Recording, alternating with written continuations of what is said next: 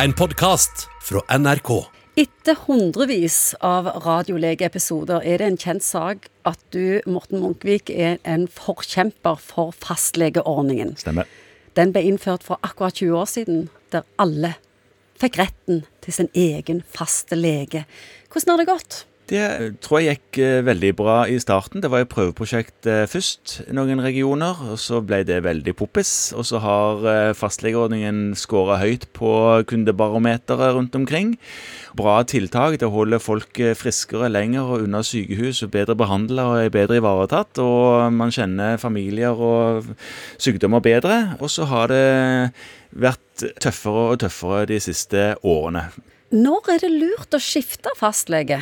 Det kan være hensiktsmessig tenker jeg, å bytte fastlege dersom man flytter fra en eh, plass til en annen. Noen velger å beholde sin fastlege et stykke unna, og det går noen ganger. Men dersom en har tilstander som gjør det nødvendig å gjøre målinger og kontroller og hands on-ting jevnlig, så vil jeg tenke at da var, det, da var det fornuftig å bytte, selv om fastlegerelasjonen har vært veldig god. Og så kan det være nyttig å bytte dersom du føler at du ikke kommer lenger med den fastlegen du har, og at det trenger ikke være noe sånn stor konflikt, men at du føler ikke at du blir sett og hørt og ivaretatt som pasient på den måten som du ønsker. Det er en ærlig sak, og en god fastlege kan ikke være en god fastlege for alle. En god fastlege vil ikke være optimal for noen. Tror du mange er for eh, tålmodige med fastlegen sin? Jeg tror kanskje det var et større problem tidligere. Nå er nok den eh, unaturlig høye respekten for en eh, lege heldigvis redusert litt. Hva gjør egentlig en fastlege? Altså, Ja, hva gjør han ikke? Hvor mange pasienter har du til dagen, og hvor mye arbeid brukes til etterarbeid og skriving? Og Der er det veldig stor forskjell fra lege til lege.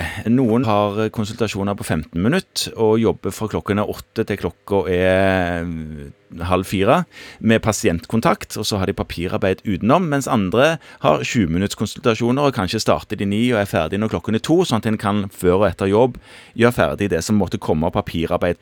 Den siste versjonen der skjer sjeldnere og sjeldnere. En har alltid noe som henger, og alltid noe som skal gjøres, og en må ofte jobbe kvelder og helger for å komme i mål, i tillegg til at veldig mange rundt omkring har legevaktsplikt.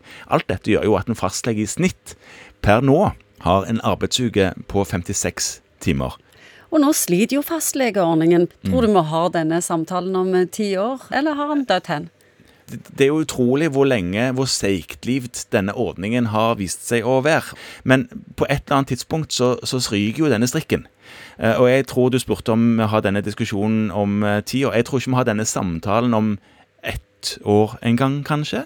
Såpass. Såpass, fordi at nå er det valgår i år, så eh, her tror jeg noe er nødt til å skje i forbindelse med valget. Hvis, det, hvis denne skuten bare skal fortsette med den kursen han har nå, så er jeg redd for at noe drastisk skjer, og da vil nok folk merke at fastlegen forsvinner, altså. Du har hørt en podkast fra NRK. Hør flere podkaster og din NRK-kanal i appen NRK Radio.